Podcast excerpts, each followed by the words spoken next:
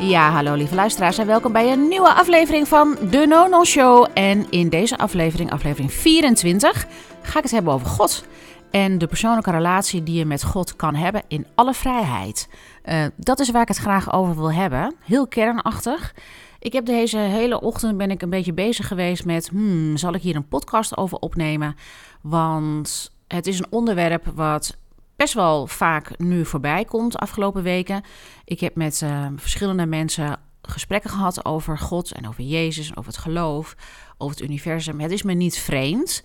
Um, ik ben heel erg senang um, en ik voel me heel erg gemakkelijk met uh, alles wat te maken heeft met het spirituele. Ik heb me daar ook jarenlang in verdiept. Ik denk als klein meisje al.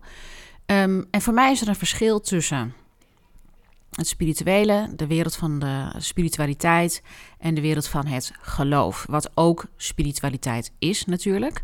Voor mij heeft dat altijd een lading gehad. En ik, en ik, neem jullie, ik wil jullie graag in deze aflevering meenemen in mijn ervaring, mijn zoektocht. Nou ja, zo'n beetje zo mijn hersenspinsel. Ik ben, en, en ik deel het met jullie omdat ik heel erg benieuwd ben naar wat jullie verhouding is met God en het spirituele. Um, dus ja, ik ga jullie meenemen in um, mijn uh, geschiedenis. En waarom ik het soms best wel lastig vind om het over God te hebben. Ik uh, ben katholiek opgevoed. Mijn uh, vader is Nederlands, zoals jullie weten. mijn moeder is Spaans. in Spanje is het Rooms-Katholieke geloof eigenlijk een soort van de staatsgodsdienst. En is dat ook een hele normale bijna iedereen is geloof ik rooms-katholiek. En bijna iedereen die wordt gedoopt. Uh, bijna iedereen die wordt, heeft de communie. Echt in grote getalen. Vormsel. Je gaat trouwen in de kerk. Maar nou ja, goed. Het is natuurlijk wel zo dat dat allemaal veel minder is dan misschien uh, toen ik opgroeide als klein kind. Um, maar het was eigenlijk was het geloof en niet zozeer het geloof in God als wel alle gewoontes en gebruiken die bij de kerk hoorden. Dat was echt onderdeel van het leven. En daar ben ik ook in opgevoed. Mijn moeder die uh, kwam naar uh, Nederland en uh, ik ben geloof ik tot mijn twaalfde. Nou, volgens mij moest ik wekelijks, moest ik, of ging ik wekelijks naar de kerk. Ofwel op zaterdagavond, dan hoefde lekker niet op zondag. Uh, en op zondag. En um, op zondag gingen we dan altijd van 11 tot 12 naar de kerk. En dan gingen we daarna naar de Chinees. gingen we Chinees halen. Ik zal me dat nooit, ik zal me nooit herinneren. We haalden altijd een bak nasi, um, witte rijst en uh, chapchoy. En dat was 25 gulden bij elkaar. Er waren drie bakjes. Um, dus dat was altijd uh, samen met naar de kerk gaan, hoorde daar de Chinees bij. En um, we hadden ook al een hele leuke pastoor, pastoor Zeeman. En die vertelde altijd leuke dingen. Had je ook nog een andere pastoor, die vond ik altijd een beetje zuurpruimpje. Maar ik kan me herinneren dat, we, dat ik daar als uh, klein meisje... en de beginnende tiener zat ik daar in die kerk stil te zijn. En uh, ik keek om me heen hoe je hebt te gedragen. Want als we het over God hebben, dan hebben we het eigenlijk heel vaak niet eens over God... maar wel over alle voorschriften en het gedrag wat er allemaal dan kennelijk bij hoort. En um, nou ja, ik heb eigenlijk vrij snel, nou ja, snel. Ik denk dat mensen die niet met God zijn opgevoed of met het geloof, met de kerk of met een bepaald instituut die um, de vertegenwoordiger was van God op aarde. Um, ja, ik wilde me daar eigenlijk vrij snel van vrijmaken. En gelukkig kon dat omdat ik uh, op toen ik 14 was, toen uh, zag ik bij de Gruitpoort een cursus toneelspelen. En ik heb dat uh, gelukkig mogen doen. Het was eigenlijk nat dan om op zondag een cursus te doen. Het was sowieso nat dan om mensen te bellen of met andere kinderen te spelen. Dat was de dag van rust en bezinning. En dan ging je gewoon eigenlijk s ochtends naar de kerk, smiddags at je Chinees. En in de middag gaan we naar, gingen we naar Open Oma om een uur of drie, half vier. Um, of mijn moeder die maakte gewoon uh, een warme maaltijd. En dat was altijd een soort van feestmaaltijd. Want op zondag had je ja, net even iets uitgebreider en lekkerder dan door de week. En um, nu achteraf, als ik daarop terugkijk, denk ik... ja, dat zijn eigenlijk wel hele mooie gebruiken. Dat je een soort van op zondag... Uh, dan deed je dat, op zaterdag deed je dat. En daar heeft het geloof natuurlijk ook een heel grote invloed op uitgeoefend. Dat het een, het geloof brengt En dan is, staat los van of je nou wel of niet in God gelooft. Het brengt een aantal gebruiken met zich mee. Het brengt een aantal ehm, voorschriften met zich mee. En nou kan ik dat natuurlijk heel goed plaatsen. Als ik heel erg met mijn ratio, met mijn hoofd. Hè, dan heb je dus allerlei voorschriften die zorgen dat het leven voorspelbaarder is.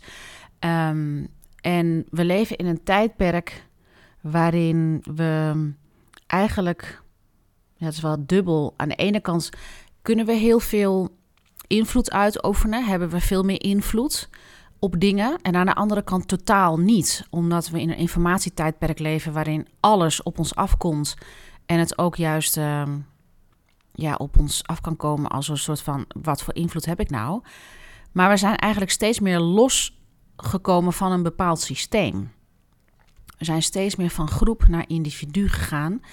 En het interessante is dat ik nu, ik ben zelf 46, maar ik zie in de generatie van mensen zo rond de 30, als ik uh, met mensen spreek en die zitten in die leeftijdscategorie, dan zie ik ook een soort teruggaan naar het geloof en interesse in het geloof. Um, omdat het leven dus ook gewoon heel onvoorspelbaar is. Ik heb het idee dat er een soort trend aan de gang is. Dat we uh, teruggaan naar God en Jezus en Maria en het christelijk geloof.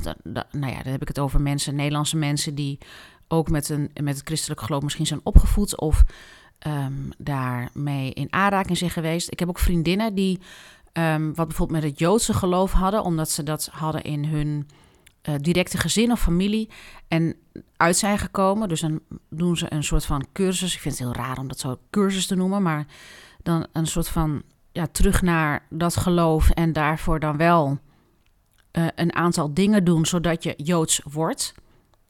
En ik ken iemand die uh, van het Rooms-Katholieke geloof naar de islam is gegaan en bekeerd, omdat zij um, het onderzocht. En ze had zoiets van: ja, maar weet je, ik, het Rooms-Katholieke geloof, hoezo onbevlekt ontvangen is Maria.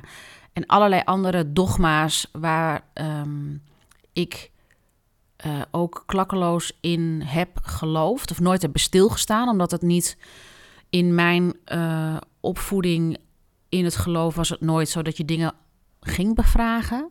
Je ging gewoon die Bijbelverhalen lezen en dan wat voor een soort strekking kun je daaruit halen. En dan was het wel zo, dit is de wijsheid en de kennis die wij jou doorgeven.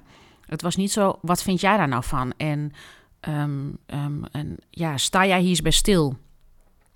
Ik heb altijd wel een um, enorme aantrekkingskracht gehad tot het geloof.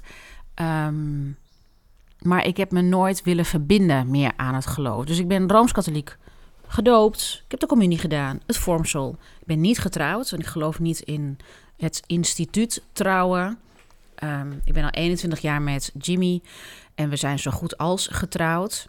Als in, in good and bad times. En we zorgen voor elkaar. Uh, en we zijn committed aan elkaar als levenspartners. En er hoeft niet een getuigenis aan andere mensen of in een instituut bij voor mij.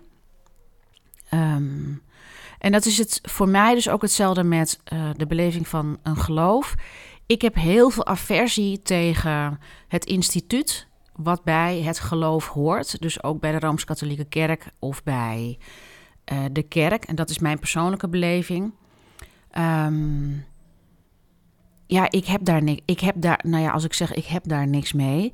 Ik vind het vooral uh, vrijheid ontnemend. Dus als ik een uh, via een instituut in contact wil zijn met God. Dus als ik dat doe um, via voorschriften of mensen geven kennis door en het is dit is de waarheid of dit is wat God ons te vertellen heeft, dan vind ik daar begint het al voor mij dat ik denk, hmm, um, in hoeverre kan ik dit ontvangen? Waar ben ik als mens en ben ik vrij om dit te interpreteren op een manier die bij mij resoneert. Die wijsheid die doorgegeven wordt, die wil ik echt wel aannemen. Het gaat vooral vaak bij mij over de vorm. Kijk, mij zal je niet meer zien in een kerk waarin er een pastoor is met een meid erop en um, die zegt um, uh, bij de communie. als je niet gewend en als je niet gewoon bent in een rooms-katholieke dienst, krijg je altijd een hostie. En dat staat voor het lichaam van Christus.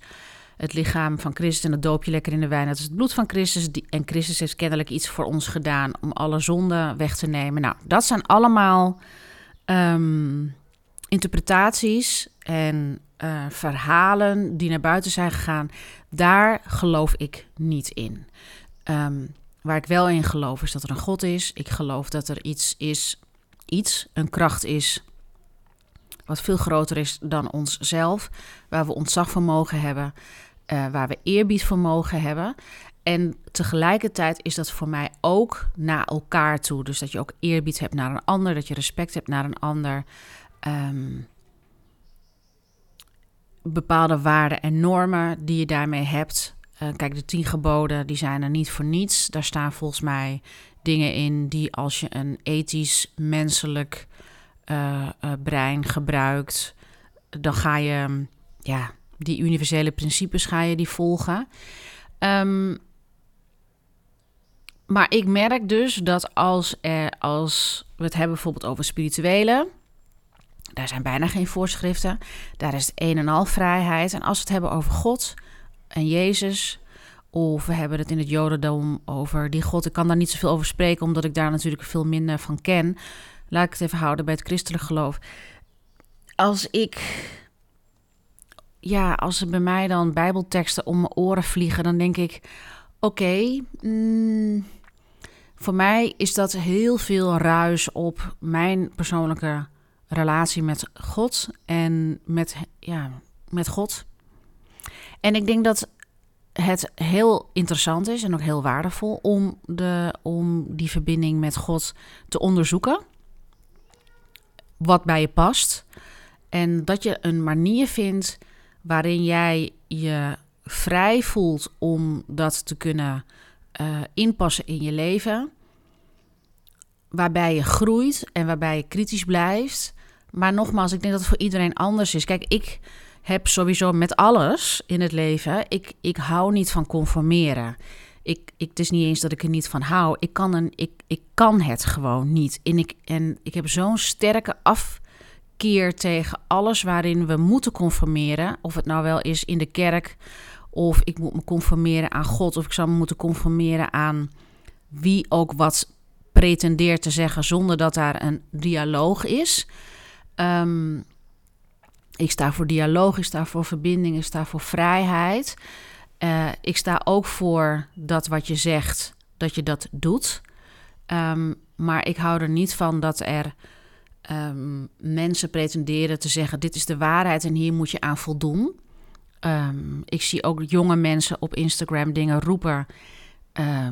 dat ik denk: oké, gaan we nu weer naar dat we dat waar we de afgelopen decennia mee bezig zijn geweest, dat we juist in meer in vrijheid mogen leven, vrijheid van meningsuiting, vrijheid van um, waar je in gelooft, dat je dan nu mensen weer krijgt die zeggen: nee, maar dit is de bedoeling.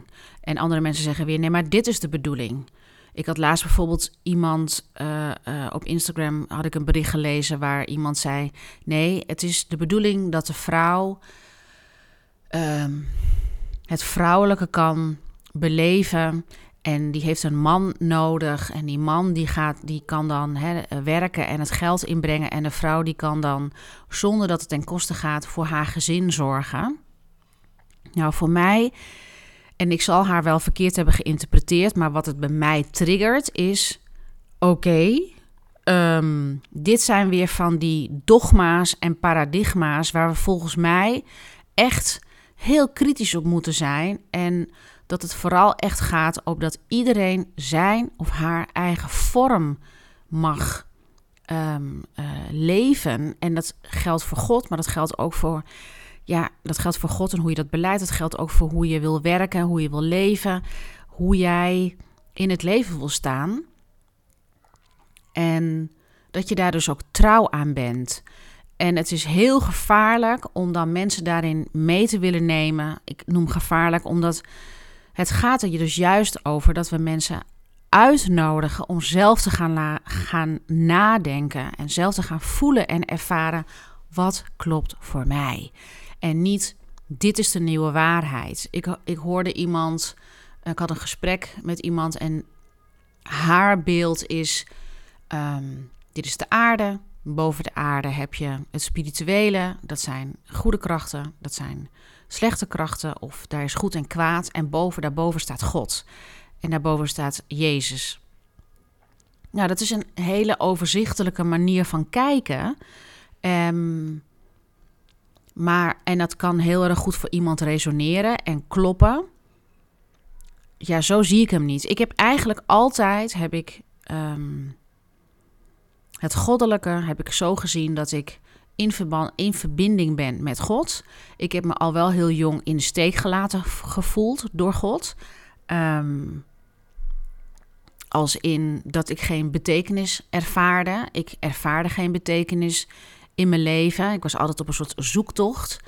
Dus ik ben ook op een soort spirituele zoektocht geweest heel lang. En toen ik kanker kreeg op mijn 39ste, toen voelde ik me eigenlijk weer in verbinding met God. Met um, nou ja, als, als je het zo kan zeggen met woorden, met het, in het geloof. Maar dan zonder al de kerk en de poespas en aan al die dingen. Maar dat ik me een kind van God voelde. En dat voelt voor mij, en heb ik met iemand ook eens besproken. Dat voelt voor mij als ehm, warm, uh, licht en stilte. Dus een soort warme stilte. Als ik in contact ben met God, dan voelt het voor mij als een warme stilte. Het voelt voor mij in pure verbinding zijn. Um, ik laat me eraan op. Het is spirituele voeding. Het is vertrouwen op het leven. Het is voor mij staat God voor het leven. Ehm, en dat dat niet menselijk is. Ehm, en dat wij dat ook nooit kunnen begrijpen met ons hoofd, wat dat nou precies is. Dat zijn mijn overtuigingen. Dat zegt ook wat over mij. Ik zeg ook niet dat jij dat moet geloven ik vind het wel interessant om te weten wat jij gelooft. En ik vind het zo gaaf om hierover in gesprek te gaan met mensen.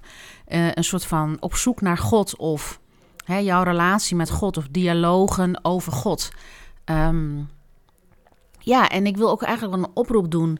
Want ik zou het leuk vinden om met verschillende mensen het hierover te hebben. Over ja, wat, wat geloof jij en waar sta je voor? En hoe zijpelt dat door in je werk? Hoe zijpelt dat door in je persoonlijk leiderschap? Ehm, zonder dat je misschien de, het woord God geloof, God gebruikt of Jezus, maar ja, wat neem je daarvan mee in, in je werk? Wat neem je ervan mee in je leven? Dus als jij je geroepen voelt om met mij daarover in gesprek te gaan, nou, stuur me dan een bericht op Insta. En dan uh, lijkt het me leuk om dit, deze aflevering een soort van kick-off te hebben. Om um, verschillende gesprekken te gaan initiëren met mensen over ja, in, in dialoog met elkaar over God en het spirituele en, en wat dat betekent voor je in het leven. Dat lijkt me echt een superleuke serie om dat te gaan doen. Daar heb ik ook heel veel behoefte en zin in. Dus um, stuur me een bericht uh, via Insta nadat je deze podcast hebt gehoord. Dit is een soort van kick-off, um, want er is nog zoveel meer over te vertellen. Lijkt me superleuk om... Uh, hier verder nog wat eh, afleveringen over op te nemen. Dus als je geroepen voelt om hier met mij een aflevering over op te nemen en dat jij vertelt wat het voor jou betekent, hoe het voor jou in jouw leven is, um, jouw relatie met God. Um, ja, dan ben je meer dan welkom. Nou, dat was het voor vandaag. Dit is de aflevering over mijn hersenspinsels, over het geloof en God. Tot zover. Er komt nog veel meer. Nou, alvast voor bedankt voor het luisteren en tot de volgende. Doei doei!